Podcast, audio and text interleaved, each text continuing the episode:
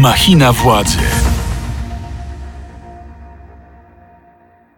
Machina Władzy, podcast Radia Z, w którym analizujemy najważniejsze wydarzenia w Polsce i na świecie. Ja nazywam się Mikołaj Pietraszewski, zapraszam na kolejny odcinek trzeciego sezonu. Moim gościem jest dzisiaj mecenas Ryszard Kalisz, prawnik, adwokat, przeszłości prominentny polityk lewicy, wieloletni poseł, były szef gabinetu prezydenta Aleksandra Kwaśniewskiego, były minister spraw wewnętrznych i administracji, a od niedawna wybrany przez Sejm członek Państwowej Komisji Wyborczej. Dzień dobry, panie mecenasie. Dzień dobry.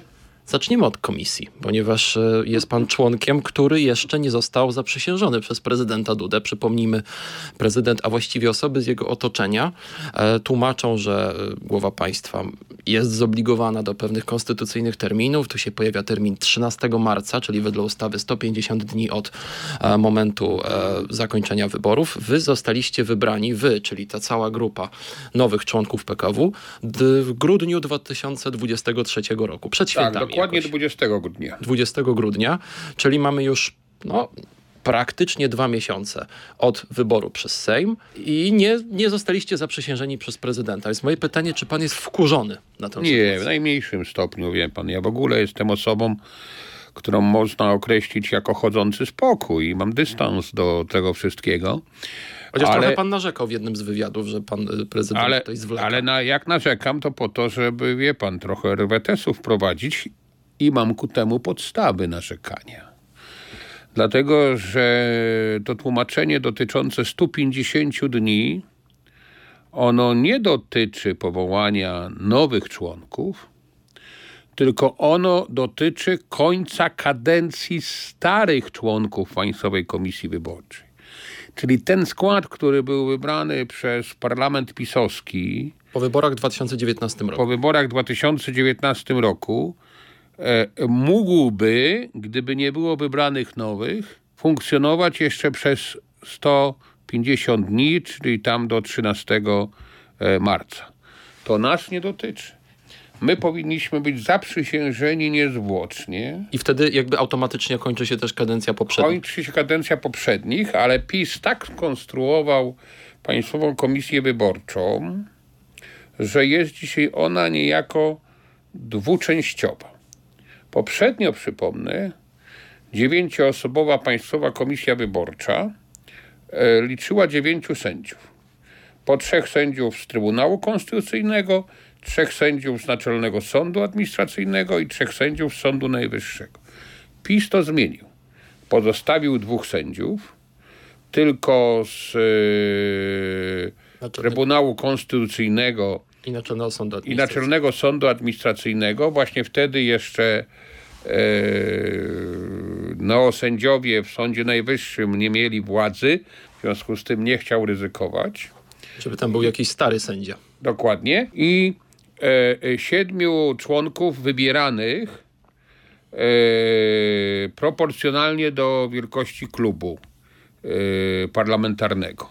I właśnie ci sędziowie mają dziewięcioletnią kadencję, także pan sędzia przewodniczący Marciniak i pan sędzia Cieślak mają dziewięcioletnią kadencję i na ich miejsce nikt nie był w tej chwili powoływany, bo jeszcze mają przecież pięć lat.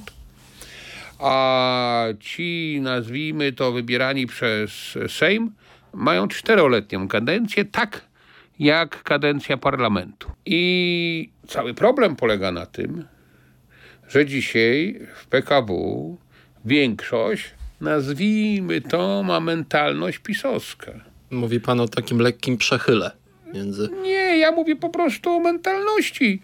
Z całym szacunkiem do wszystkich e, członków Państwowej Komisji Wyborczej, ale te decyzje, które ta stara komisja e, podejmuje, no one są takie zgodne z e, logiką e, pisowską. No przykładowo e, zamiast jednoznacznie wskazać następców panów Wąsika i Kamińskiego, czyli osoby, które zdobyły po nich kolejną liczbę głosów na tej samej liście w tym samym okręgu, komisja wdała się w swoistego rodzaju negocjacje z marszałkiem Sejmu. Między innymi jaka była podstawa prawna, czy te wyroki Sądu Najwyższego są ważne, a to wszystko nie miało żadnego znaczenia.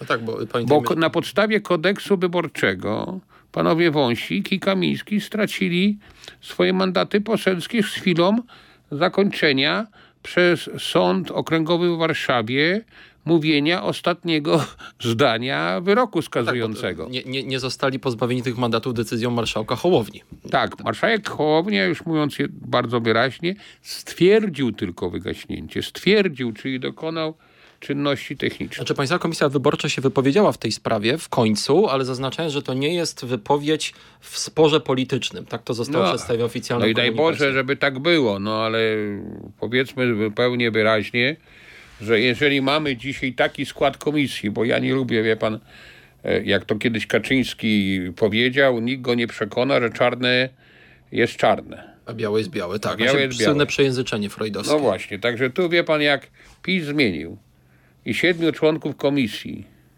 e, jest e, wybieranych przez Sejm jakby proporcjonalnie do wielkości klubu parlamentarnego, to nikt nie będzie mówił, że to, to nie jest grono, które ma elementy polityczne. Wprawdzie ze starej e, sytuacji, jak tam byli sędziowie, jest przepis w kodeksie wyborczym dotyczący Państwowej Komisji Wyborczej, że członkowie komisji wyborczej no nie powinni po pierwsze być członkami partii jakiejkolwiek, po drugie no prowadzić takiej politycznej aktywności.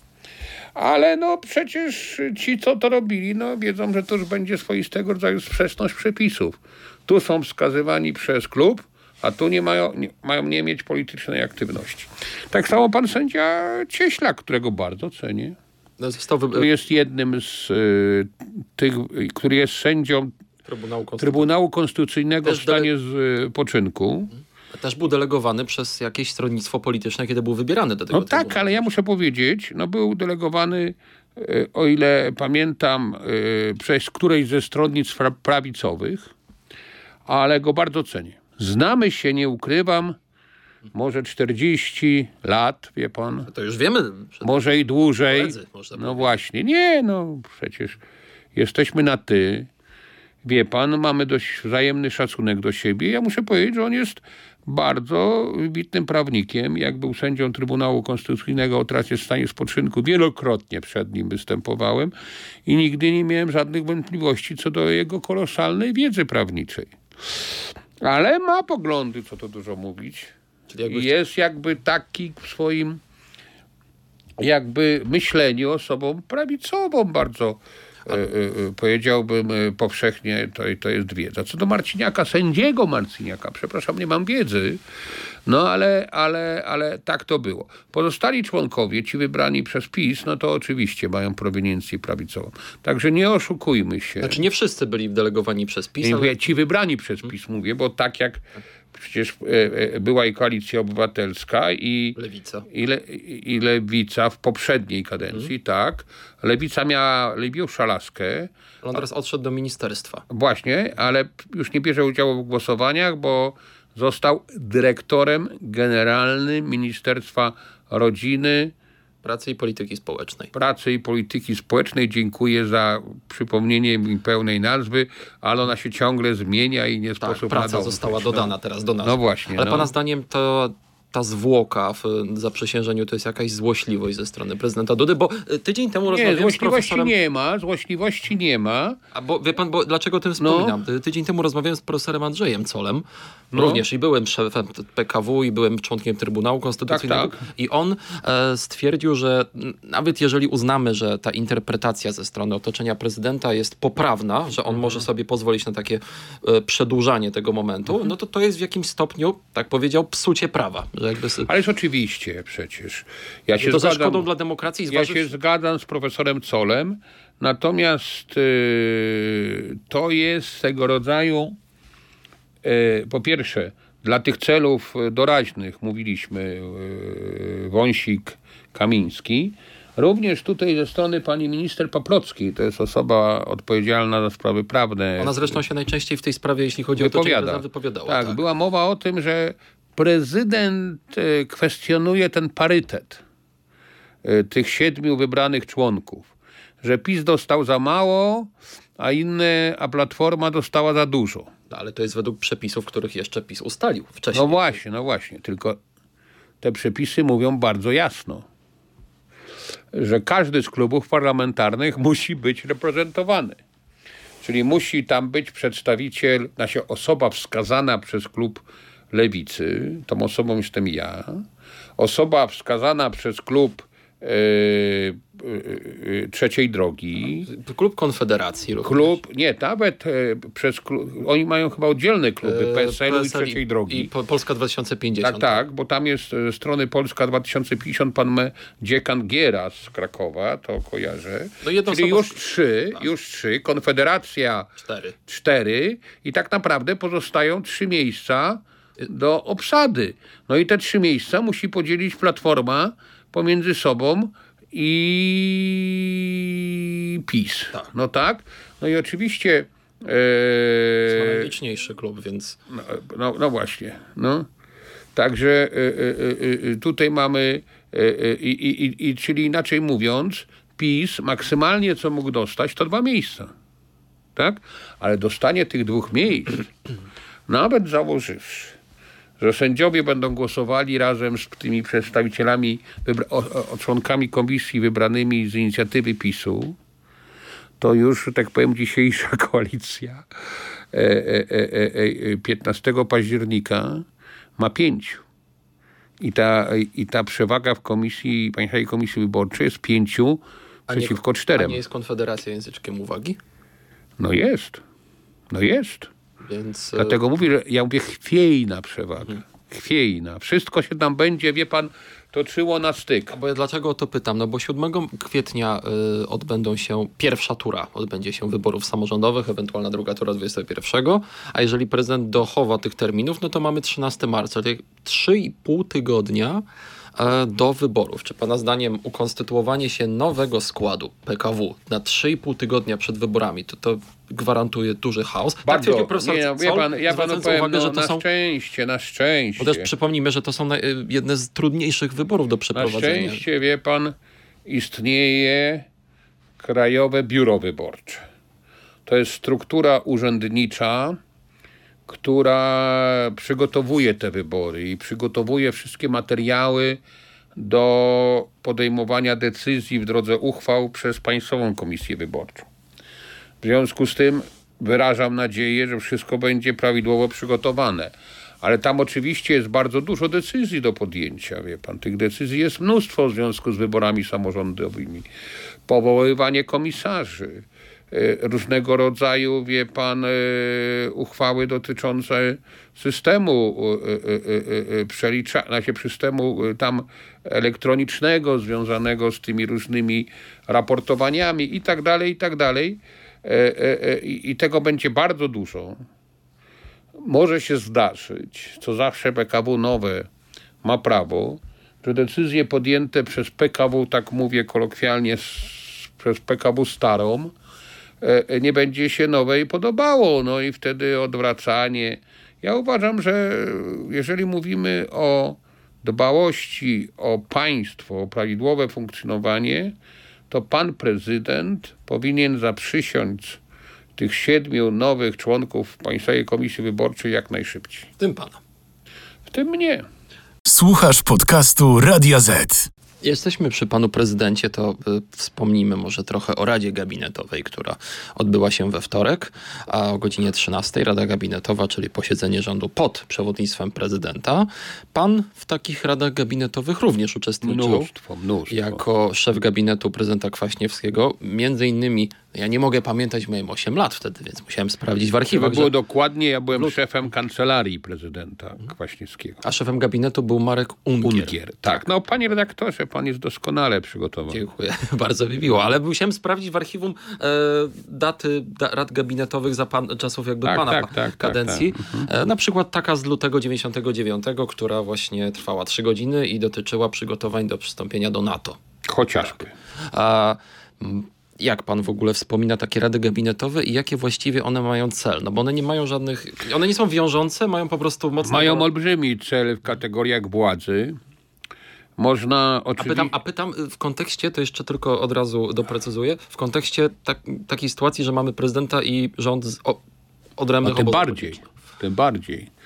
Tym bardziej, dlatego że y, y, Rada Gabinetowa jest elementem uwspólniania poglądów w konkretnej sprawie przez dwa człony władzy wykonawczej. Radę Ministrów i prezydenta. Dlatego Rada nie podejmuje decyzji władczych, nie podejmuje decyzji dotyczących e, kompetencji czy prezydenta, czy Rady Ministrów, ale uwspólnia pogląd, żeby te organy wspólnie tego rodzaju, żeby te organy już oddzielnie podejmowały na rzecz tej konkretnej sprawy e, decyzje, które będą e, skorelowane i uzgodnione. I jak pan już e, przytoczył tę e, radę dotyczącą wstąpienia Polski do NATO, no to ustaliliśmy tam wtedy e, bardzo dokładną procedurę dotyczącą właśnie wstąpienia Polski do NATO. E, e, Przypomnę tylko, że główną taką, główny ciężar Yy, negocjacji wziął na siebie ówczesny ambasador w Stanach Zjednoczonych Jerzy Koźmiński. I kiedy została już podjęta decyzja, ona była jak na szczycie w Madrycie w Hiszpanii, to przygotowywaliśmy się do tego, żeby, e, e, e, żeby przygotować wszystko właściwie zgodnie z procedurami NATO. Ale powstał problem Jaki? że rozszerzenia NATO do 1999 roku nie było chyba od 30 lat. A tu nagle o Czechy i Węgry i Polskę. No właśnie, szczerze mówiąc, jak rozmawialiśmy w ramach kwatery głównej NATO, to tam się zastanawiali też urzędnicy, jak to zrobić. Ale Mamy traktat waszyngtoński, nowi członkowie, w warunkach również wewnętrznych i to było przedmiotem e, właśnie posiedzenia Rady Gabinetowej. Wtedy ministrem spraw zagranicznych był Bronisław Geremek. Tu mogę Państwu zdradzić zresztą taką rzecz ciekawą, jak to bywa w polityce, że ten akt przystąpienia do NATO przygotowałem osobiście. Później to było konsultowane, a w zasadzie, e, tak powiedziałbym, dopracowywane przez MSZ. A następnie poprosili mnie koledzy, moi odpowiednicy z Czech i Węgier, o to, żebym im to przekazał i czy mogą, że tak powiem, splagiatować posłużyć się tym jako posłużyć się tym wzorem. No i oni oczywiście się posłużyli tym wzorem. Kwatera NATO to zaakceptowała i, i wtedy, zresztą to do mnie należało w ramach tych wcześniejszych ustaleń, e, e, wyznaczyliśmy w kancelarii, e, a w zasadzie ja wyznaczyłem w kancelarii dzień ratyfikacji traktat, e, przystąpienia Polski do traktatu północnoatlantyckiego, czyli traktatu waszyngtońskiego, powołującą organizację NATO. NATO, drodzy Państwo, żeby już wszyscy wiedzieli, to jest organizacja e, traktatu północnoatlantyckiego, tłumacząc z angielskiego całą nazwę na polski. I wyznaczyłem dzień moich urodzin.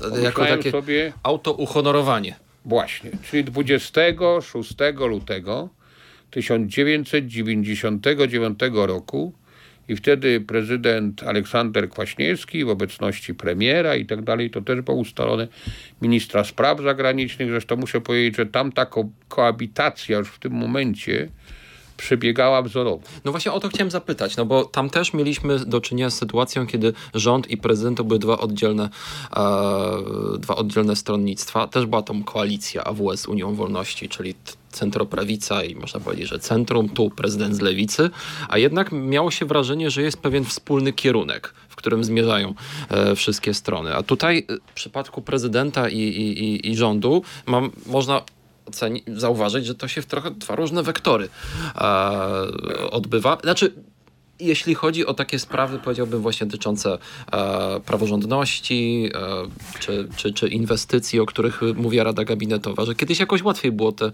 różnice dogadać. To, to jest kwestia oceny, natomiast na początku też nie było łatwo. Bo jak, e, znaczy z Unią Wolności to zawsze mieliśmy wspólne porozumienie jakieś mentalne, tak to określę. Natomiast jak wygrała akcja wyborcza Solidarność w roku 1997, to nie było łatwo. Wręcz nawet e, w wypowiedziach ówczesnych posłów AWS-u były swoistego rodzaju zapowiedzi, ograniczenia możliwości prezydenta, ograniczenia mu budżetu. E, Niech prezydent siedzi w pałacu i najlepiej nic nie robi. Ale My- dzisiaj Prawo i Sprawiedliwość to samo zarzuca obecnej większości parlamentarnej, że chce obchodzić prezydenta, No właśnie, no właśnie o to chodzi. Tylko, że dzisiejsza większość tego nie robi. A jakby musi, musi czasami coś A innego twierdzi wymyśleć, właśnie inaczej, że robi. bo prezydent zapowiedział, Duda, prezydent Duda powiedział, że będzie wetował.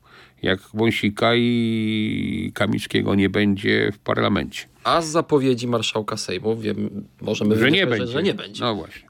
Ale wracając do tamtego 97 roku i no na początku były takie, wie pan, że tak powiem, e, e, e, e, różne konflikty. E, Nie było jeszcze żadnego doświadczenia, bo konstytucja weszła w życie 17 października 1997 roku, a rząd powstał w grudniu 1997 I na świeżo. A roku. wybory były przed. y, Już nie pamiętam. Już nie czy po? pamiętam. Chyba przed, znaczy zaraz po albo przed wejściem w życie konstytucji. Natomiast ja do dzisiaj jestem zaprzyjaźniony z Wiesławem Walędziakiem. Wtedy został ka- szefem kancelarii premiera. Y, Wcześniej prezes telewizji polskiej. Właśnie. I, i, i, I były takie z jego strony propozycje, bo chcieliśmy współpracować. A Walędziak na samym początku zaproponował, że on może po każdym posiedzeniu Rady Ministrów briefować szefa kancelarii prezydenta. briefować, czyli będzie mówił co chce. No oczywiście my się nie mogliśmy na to zgodzić. Chcieliśmy, żeby w posiedzeniach, co wtedy było niezwykle dla nas ważne, uczestniczył przedstawiciel prezydenta. E, najlepiej oczywiście najczęściej szef kancelarii bądź osoba przez niego wskazana. Tutaj były różnego rodzaju znowu e, dyskusje, awant, znaczy, dyskusje, polemiki i tak dalej. E, e, W końcu jednakże to wszystko zostało załagodzone jakoś i już w roku 98 faktycznie głównie ja uczestniczyłem w posiedzeniach Rady Ministrów. Muszę powiedzieć, że pan ówczesny premier Jerzy Buzek e, nawet e, często w takich interwałach, czyli jak poszliśmy na kawę albo coś, powtarzał, o jak dobrze mówi, słuchaj, że ty uczestniczysz, bo, bo, bo jednak wnosisz tam jakiś nowy posie, po, powiew wiedzy czy element dyskusji. Dziś- To powodowało, ale chcę od razu powiedzieć, wtedy były cztery reformy.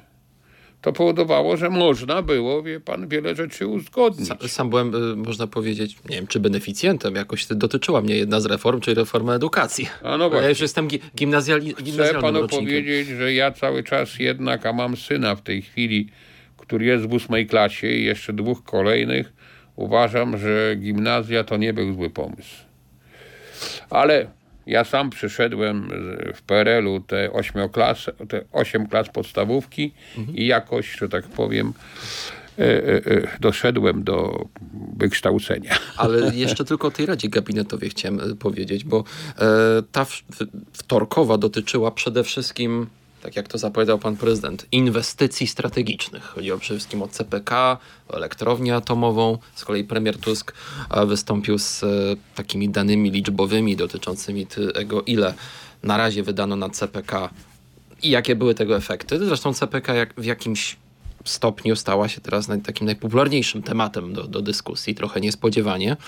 E, pana zdaniem takie rady gabinetowe jakoś rzeczywiście w tym momencie, w sytuacji, kiedy są dwa ośrodki jakby zupełnie inne, polityczne, prezydent i, i rząd, a z drugiej strony widać między nimi spore napięcie na innych Nie, poziomach. moim tak zdaniem naprawdę. temat CPK Ale nie, tylko dokończę. Czy pana zdaniem one w, taka rada gabinetowa w ogóle może przybliżyć do, nie, do, do nie, jednego nie. Po kierunku pierwsze, obydwa dzisiaj jest zbyt duże napięcie.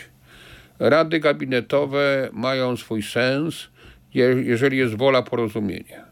Czyli tutaj pan nie dostrzega. Nie, tutaj nie było woli porozumienia, jest napięcie, powiedział, jest nieufność. Czyli niezależnie od tego, było. jakiego tematu Ta rada nie mogła przynieść żadnych rezultatów.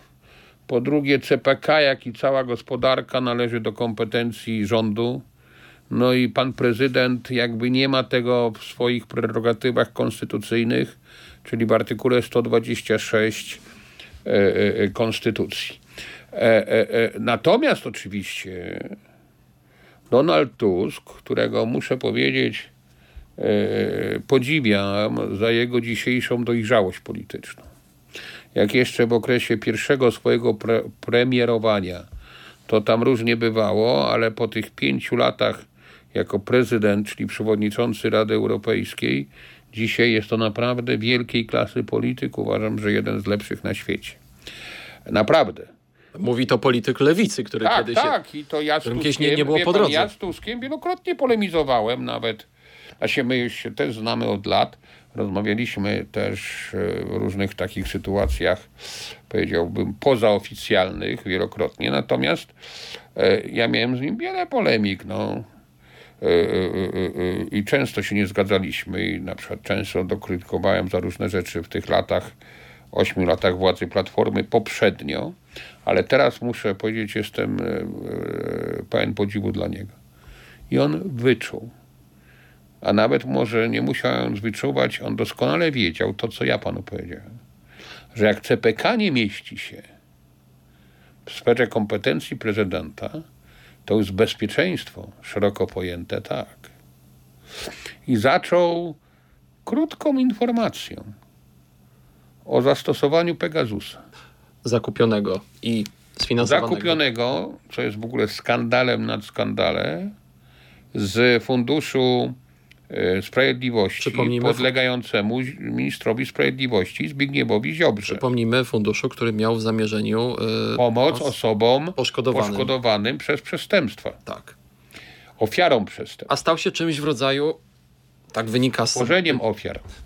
Tak, tak, czymś w rodzaju, jak wynika z doniesień medialnych, ale też ustali na Wyższej Izby Kontroli, swego rodzaju jakąś skarbonką dla... I, polityków I ja uważam, lewicy. szczerze mówiąc, że to była wyśmienita zagrywka. Premier Donald Tusk wskazał prezydentowi jego kompetencje. Nie wiem, jak to było później, bo widziałem, że e, pan prezydent był e, bardzo spięty już w pewnym momencie. Jak to się odbywało już poza, poza tą częścią dostępną dla opinii publicznej. I nie wiem tak naprawdę o czym to było. Być może nawet było i o tym, i o tym, czyli o CPK, ale e, tutaj rząd miał jedną odpowiedź.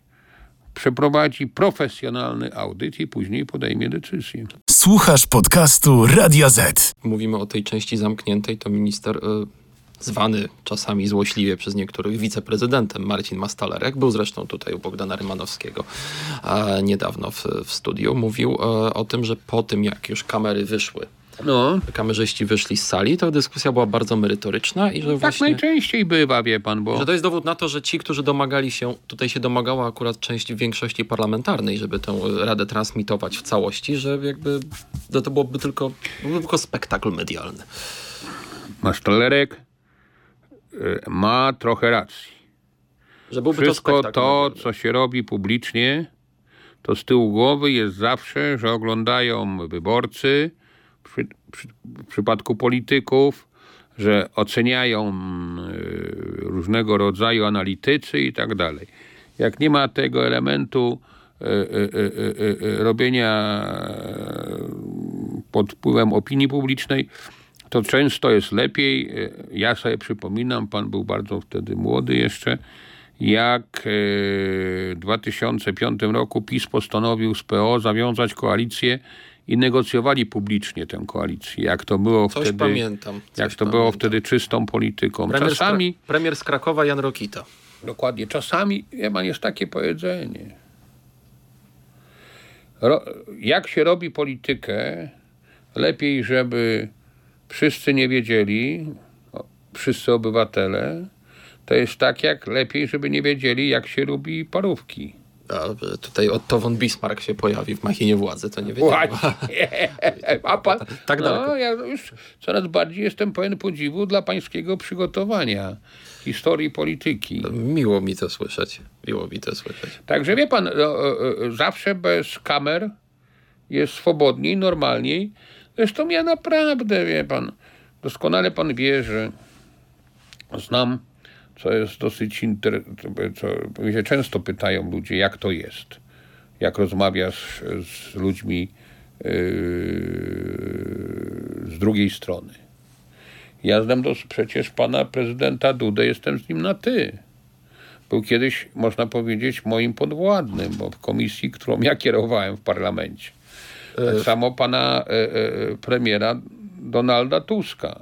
Także wie pan, ja, ja wiem, że oni, że tak powiem, pewnie normalnie rozmawiali. Zresztą tam było niezwykle ważne moim zdaniem dzisiaj, aby przekonać e, pana prezydenta, żeby on nie wkładał tych kłód w szprychy, bo to jest kontrproduktywne dla państwa polskiego, dla obywateli i dla niego samego. Ale jego środowisko, ale też Prawo i Sprawiedliwość z kolei odbijają piłeczkę, że to rząd Tuska nie szanuje prezydenta, tylko próbuje go obchodzić, zamiast próbować się z nim dogadać. Czyli może wyciągają. Nie ma, nie ma e, na dzisiaj takich możliwości. Po drugie, co to znaczy dogadanie? No nie wiem, jakiś wspólny projekt ustawy medialnej na przykład. albo- No ale to musiało, musiała być wola ze strony prezydenta. Musiała być wola rozwiązania chola, chociażby spraw dotyczących praworządności. No nie ma. Znaczy w przypadku praworządności, No tak nie ma. rozumiany jak No większość prezydent mówi, że on, Raczej nikt nie może kwestionować Statusu powołania sędziów, sędziów, statusu sędziów. No przecież to nie są sędziowie. Dlatego, że przepis konstytucji mówi wyraźnie, że prezydent powołuje sędziów na wniosek Krajowej Rady Sądownictwa. A Krajowej Rady Sądownictwa w polskim systemie prawnym nie ma od 2017 roku. Czyli on powołał wszystkich sędziów od tego czasu na wniosek, ja wiem, powietrza, może jakiejś, wie pan, struktury, grona osób. Także tu w ogóle e, w przypadku praworządności jest jakby dyskusja z dwóch punktów widzenia. Natomiast trzeba dyskutować. Ja widzę, że pan profesor Bodnar, minister sprawiedliwości, on stara się wyjść mm, tak w pół drogi. Najpierw no, nie chciał tej uchwały, która ja mogę zdradzić, była już przygotowana, taka kategoryczna w grudniu ubiegłego roku. Mówi pan o, Uchwale dotyczącej wymiaru sprawiedliwości. ale w sensie na przykład wymiany. Nie no, wie pan, no, mój pogląd jest tutaj jasny. Ja byłem zresztą,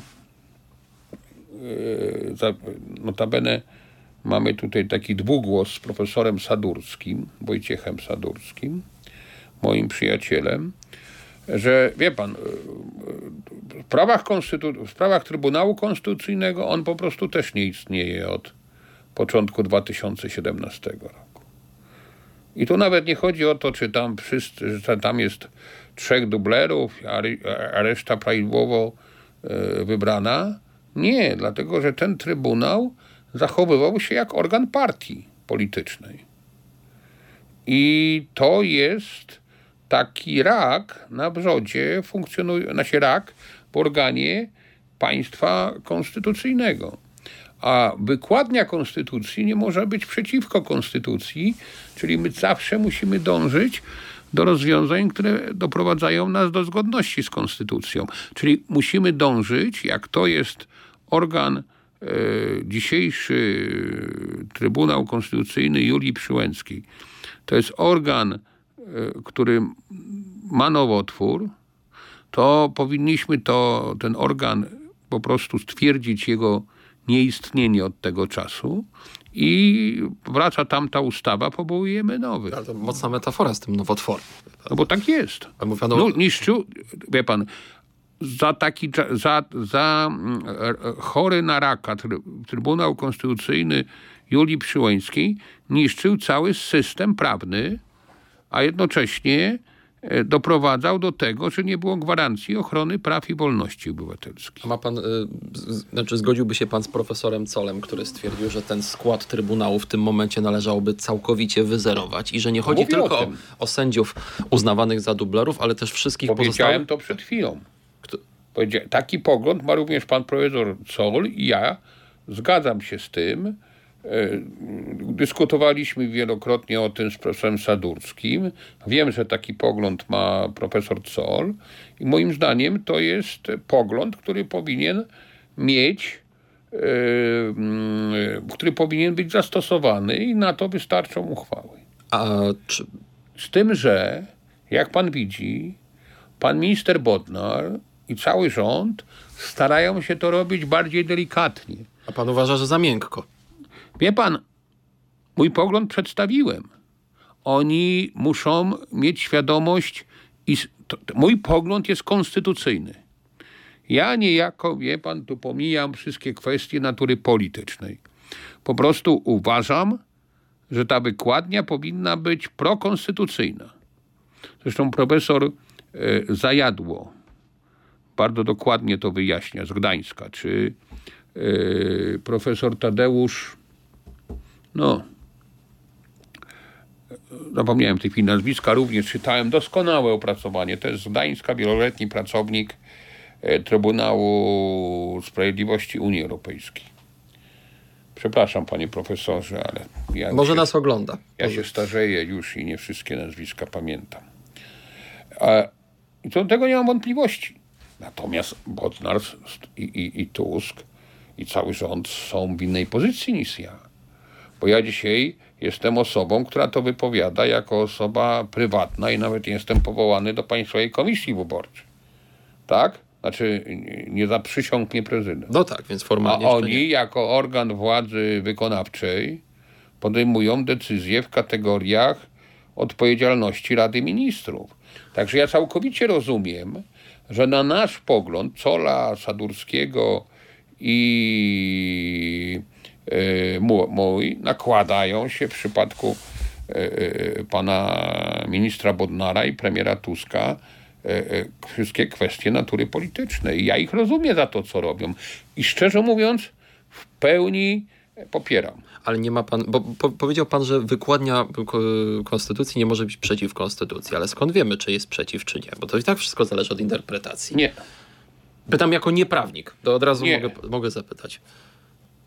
Stan państwa, ustrojowy stan państwa i funkcjonowanie wszystkich organów państwa, a w szczególności tych, którzy gwarantują prawa i wolności obywatelskie, musi być zgodny z konstytucją. W przypadku Trybunału Konstytucyjnego, najpierw w roku 2015, wbrew postanowieniu jeszcze wtedy Konstytucyjnego Trybunału Konstytucyjnego nie, zaprząg, nie zaprzysiągł prezydent trzech prawidłowo wybranych sędziów Trybunału Konstytucyjnego. I odebrał ślubowania, tak. Tak, a zaprzysiągł e, trzech wybranych bezpodstawnie. To niejako była ta, wie pan, pierwszy, pierwsze, że tak powiem, takie, takie nowotworowe rozwijanie się nowotworu. Ale Dalej, już później, ten nowotwór to opanował. Czyli my teraz musimy doprowadzić do tego, żeby Trybunał Konstytucyjny był niezależnym, żeby wszyscy sędziowie byli niezawiśli i był strażnikiem prawa. To, co na przykład robią ci sędziowie, jakieś zabezpieczenia w konkretnych sprawach, to to w ogóle a o tym profesor Sol też mówił, że to już jest jakby To też już w ogóle jest, do- Trybunał jest sądem prawa, oni zajmują się konkretnymi e, sprawami dotyczącymi e, sfery faktycznej. Ale, y, no tak, bo to zabezpieczenie trochę No. brzmi jakby uprzedzanie pewnych e, działań prawnych. Ja tylko zastanawiam się, no bo druga strona mówi wtedy, że to poprzednia władza złamała konstytucję, ponieważ nieprawidłowe uchwały dotyczące wyboru sędziów na zapas. Tak. Tak, ale właśnie mówię o tym, że to mnogość interpretacji, Ale nie, ale to, jaka, nie jesteśmy jaka w stanie... mnogość interpretacji? No ich i... Poprzednia władza platformerska, podejmując decyzję, czyli zmieniając ustawę, że na zapas wybierze już po, że tak powiem, zaprzestaniu działalności przez, nie, już poza po zwoływaniu. Znaczy, sędziów na znaczy, zap- że w ostatnim swoim posiedzeniu starej kadencji wybrała na zapas pięciu sędziów, którzy mieli zastąpić sędziów dotychczasowych, którym kadencja się kończyła już po wyborach. Dwa, miesiąc, półtora po wyborach. No właśnie. Tak. I tak. To było w części niezgodne z konstytucją. I na to się właśnie powołuje Prawo i Sprawiedliwość No ale właśnie Trybunał Konstytucyjny, który wtedy stał na straży konstytucji, stwierdził, że ta zmiana ustawy była niezgodna z konstytucją w części, że ten zapas mógł być prawidłowy w przypadku trzech sędziów, a w przypadku e, dwóch sędziów ten zapas już był przekroczeniem e, wykładni konstytucyjnej. Czyli po prostu, że wtedy większość platformerska naruszyła konstytucję w przypadku tych trzech. Tak, bo tam się było to, No dobrze, ale później mieliśmy orzeczenie Trybunału Konstytucyjnego i wszyscy się powinni do tego orzeczenia zastosować. To było zresztą orzeczenie wydane pod przewodnictwem jeszcze profesora Rzeplińskiego. Tak, i tam była pani sędzia Wronkowska, też wybitna konstytucjonalistka i, i powinni się zastosować. A PiS powiedział, nie, nie, okej, my wybierzemy tych dwóch, ale my się nie zgadzamy z Trybunałem, do czego nie mieli prawo w stosunku do tych trzech i też prezydent, i to PiS i prezydent tak powiedzieli wtedy, już Duda, e, nie zaprzysięgnę tych trzech, e, a PiS nie wskazał swoich nowych. No to dobrze, to jeżeli ustalimy, że to był ten moment, w którym doszło do zepsucia prawa, to nie boi się pan jako prawnik, że to już będzie taki precedens, który stworzy taką wieczną pokusę dla każdej władzy, żeby coś tu majstrować przy... Nie będzie, dlatego że tą uchwałą, o której ja mówię, my nie tworzymy żadnego prawa. My tylko stwierdzamy, że wtedy Trybunał Konstytucyjny e, e, e, został opanowany przez rak. Przez raka antykonstytucyjnego, przez nowotwór antykonstytucyjny. I ten nowotwór rozwijał się aż do dzisiaj i, i już przybrał tego rodzaju w pewnym momencie postać i wpływ na ten organ, że ten organ przestał spełniać swoją rolę konstytucyjną, czyli został zjedzony przez nowotwór. I tym medycznym akcentem, medyczną metaforą za... Przepraszam, że tak to mi wyszło, ale wydaje mi się, że to dosyć jasno pokazuje ten cały problem. To ja prawnikiem nie jestem, dlatego zapraszam tutaj Dlatego ludzi, ja którzy to wie pan, tłumaczą. Panie jak redaktorze, jak pan wie, ja od lat staram się i zresztą na wykładach również, No to już ostatnie zdanie, panie nie mecenasie. całkowicie ostatnio, tylko już teraz powiem o sobie, no, w taki przystępny sposób tłumaczyć te wszystkie zawiłości prawne i dlatego użyłem tej metafory medycznej. A my w Machinie Władzy również staramy się w przystępny sposób tłumaczyć zawiłości i meandry życia publicznego, zwłaszcza politycznego w Polsce i na świecie. To był kolejny odcinek trzeciego sezonu. Moim Państwa gościem był Ryszard Kalisz, mecenas, adwokat, członek Państwowej Komisji Wyborczej jeszcze nie zaprzysiężony, w przeszłości m.in. minister spraw wewnętrznych i administracji, wieletni poseł No, wie pan, SLD, jeszcze miałem wiele innych funkcji. szef kancelarii No to niech prezydenta. pyta, no teraz to jeszcze jestem członkiem Naczelnej Rady Adwokackiej. A to pan, nawet, i nawet jeszcze- właściwie przede wszystkim powinienem tak powiedzieć, skoro tytułuje pana adwokatem No i właśnie, no, mecenasem. wie, więc... wie, e, e, nie mówiąc jeszcze o, o moich funkcjach za granicą. No. A na to to byśmy musieli, oso- na to to byśmy musieli osobny Nie, odcinek nie, no poświęcić. naprawdę, bo ja bardzo aktywnie... Ach, już nie mamy czasu, ale panie redaktorze, też porozmawiajmy kiedyś o takich różnych aspektach e, e, polityki wiążącej się z Polską, ale mającej jakby e, miejsce wykonywania i negocjacji za granicą. I o tym myślę, że taki podcast możemy tak, kiedyś e, zorganizować. Tymczasem słuchajcie nas na playerze Radia Z, w serwisach streamingowych takich jak Spotify, Apple Podcast i Google Podcast. Oglądajcie i słuchajcie na naszym kanale na YouTubie i subskrybujcie ten kanał. Następny odcinek w przyszłym tygodniu. kto się z wami spotka, czy ja, czy mój serdeczny kolega Błażej Makarewicz. Tutaj myślę, że przyszykujemy dla was jakąś małą niespodziankę. Dziękuję. Dziękujemy razem z panem Dziękuję mecenasem. bardzo. Do zobaczenia, do usłyszenia. Machina władzy. Więcej podcastów na player radioz.pl